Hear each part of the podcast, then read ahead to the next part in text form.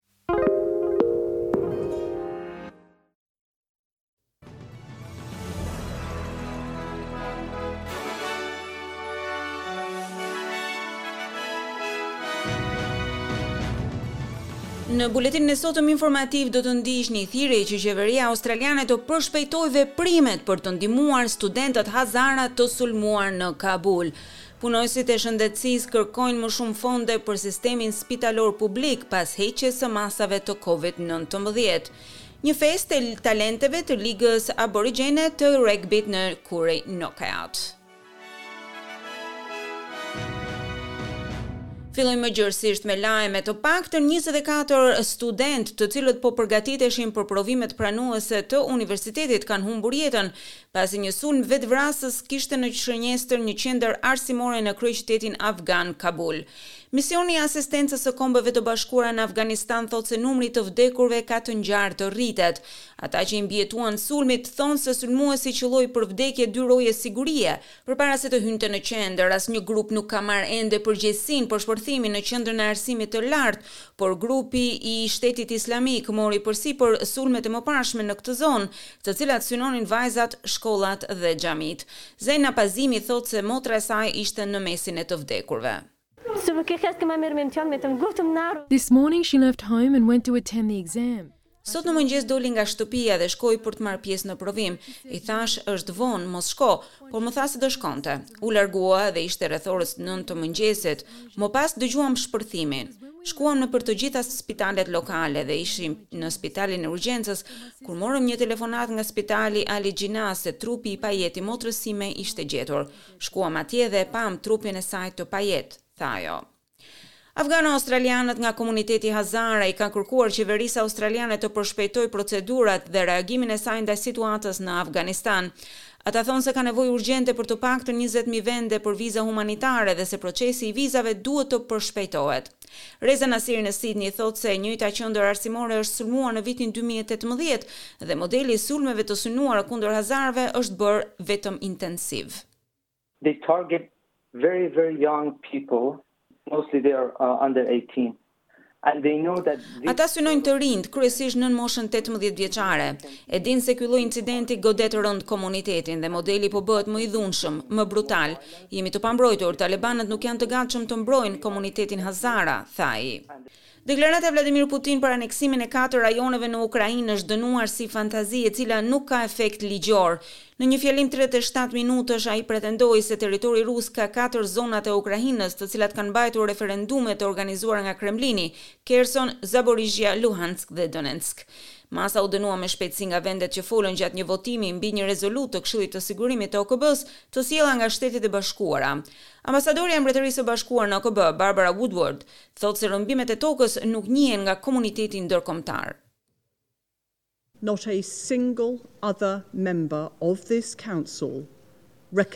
Asnjë anëtar tjetër i Këshillit të Sigurimit nuk e njeh tentativën e Rusisë për aneksimin e paligjshëm të territorit ukrainas.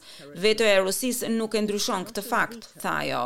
Rezoluta i kërkoi të gjitha vendeve të mos njohin asnjë aneksim të supozuar të territorit nga Moska. Nga pesëmbëdhjetë anëtarë të Këshillit të Sigurimit, rezultati i votimit ishte dhjetë me një me Kinën, Indinë, Brazilin dhe Gabonin të cilët abstenuan. Rusia përdori të drejtën e vetës për të dënuar mocionin. Ambasadori i Ukrainës në OKB, Sergei Skulutskia tha se Rusia ishte e izoluar. His lonely hand just raised against the draft resolution. Dora e tij e vetmuar e ngritur kundër projekt-rezolutës ka dëshmuar përsëri izolimin e Rusisë, përpjekjet e tij të dëshpëruara për të mohuar realitetin dhe angazhimet tona të përbashkëta, duke filluar që nga Karta e OKB-së. Ndërkohë, presidenti amerikan Joe Biden tha se Kongresi ka miratuar legjislacionin për financimin e mëtejshëm të ndihmës ushtarake për Ukrainën. Financimi arrin në nëntëmbëdhjetë pikë dy miliardë dollarë. Ai thotë gjithashtu se është në bisedime me aleatët amerikanë për të shpallur sanksione të reja kundër Rusisë brenda njëzet e katër orëve të ardhshme. America is fully prepared with our NATO allies to defend every single inch of NATO territory. Amerika është e përgatitur për të sanksionuar këdo që ofron mbështetje politike apo ekonomike ndaj pretendimeve mashtruese territoriale të Rusisë. Jam në kontakt të ngushtë me aleatët e NATO-s, të cilët janë të bashkuar në vendosmërinë tonë për të përballuar agresionin rus, tha ai. Kthehemi në Australi, ku punonjësit e shëndetësisë kanë paralajmëruar se vendimi për të hequr periudhat e detyrueshme të izolimit për personat e infektuar me Covid nëntëmbëdhjetë rrezikon të vendosë më shumë presion mbi sistemin shëndetësor. Nga katërmbëdhjetë tetori, ata që rezultojnë pozitivë me koronavirus nuk do të kërkohet më të izolohen në shtëpi për pesë ditë. Pagesat e ndihmës për personat e izoluar përfundojnë në të njëjtën datë, megjithatë ato mbeten në fuqi për punëtorët e spitaleve dhe ata të kujdesit të të moshuarve. Mjekja e urgjencës Sarah Whitelaw nga Shoqata Mjekësore Australiane thotë se Covid nëntëmbëdhjetë ekspozoi tendosje në rritje për spitalet publike e duhet të ketë më shumë fonde për të përballuar kërkesën. Living with covid means that we need to increase the capacity of our health system. Të jetosh me covid do të thotë që duhet të rrisësh kapacitetin e sistemit shëndetësor. Mendoj dhe jam shumë e interesuar të shoh dhe këshillat shëndetësore, por nuk ka dyshim se sa më shumë të qarkullojë covid, aq më shumë do të ketë presion mbi shëndetin tonë, mbi të gjitha pjesët e sistemit shëndetësor, tha ajo.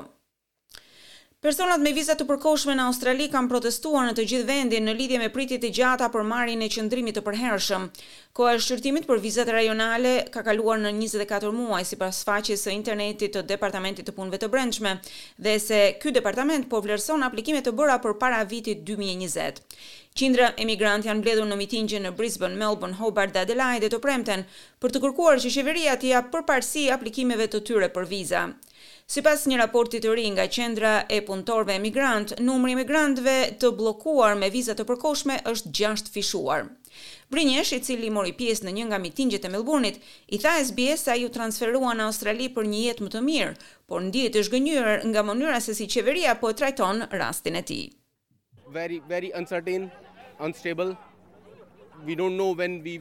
Jemi të pasigurt, të paqëndrueshëm, nuk e dimë se kur do të blejmë shtëpi, kur do të ndihemi të qetë.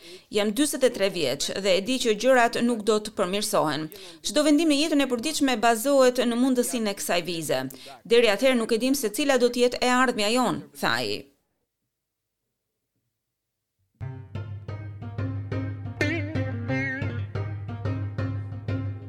Kalojmë në kursin e këmbimit të valutës australiane. Një dollar australian sot këmbehet me 76 lekë shqiptare, 65 cent euro, 64 cent dollar amerikan dhe 40.4 denar të Maqedonisë së Veriut.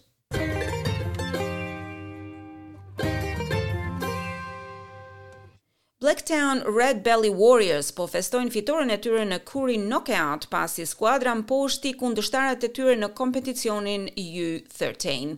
Shiu i dendur nuk i pengoi dyzet mijë shikuesit që të ndiqnin garën e ligës së ragbit në bregdetin juglindor të New South Wales.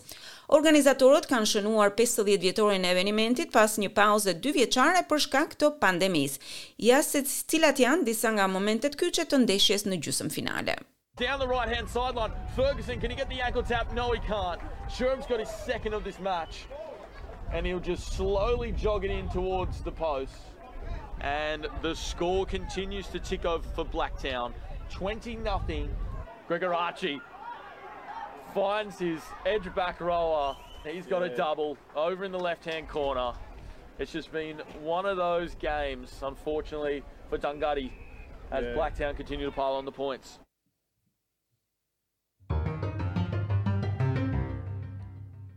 Kalojmë në parashikimin e motit. Sot nëpër qytetet australiane janë regjistruar këto temperatura: Sydney 13-18, Melbourne shtatë, nëntëmbëdhjetë, Brisbane pesëmbëdhjetë, njëzet e tre, Perth trembëdhjetë, njëzet e shtatë, Adelaide nëntë, njëzet e dy, Canberra pesë, pesëmbëdhjetë, Hobart tre, trembëdhjetë dhe Darwin njëzet e katër, tridhjetë e dy, gradë Celsius.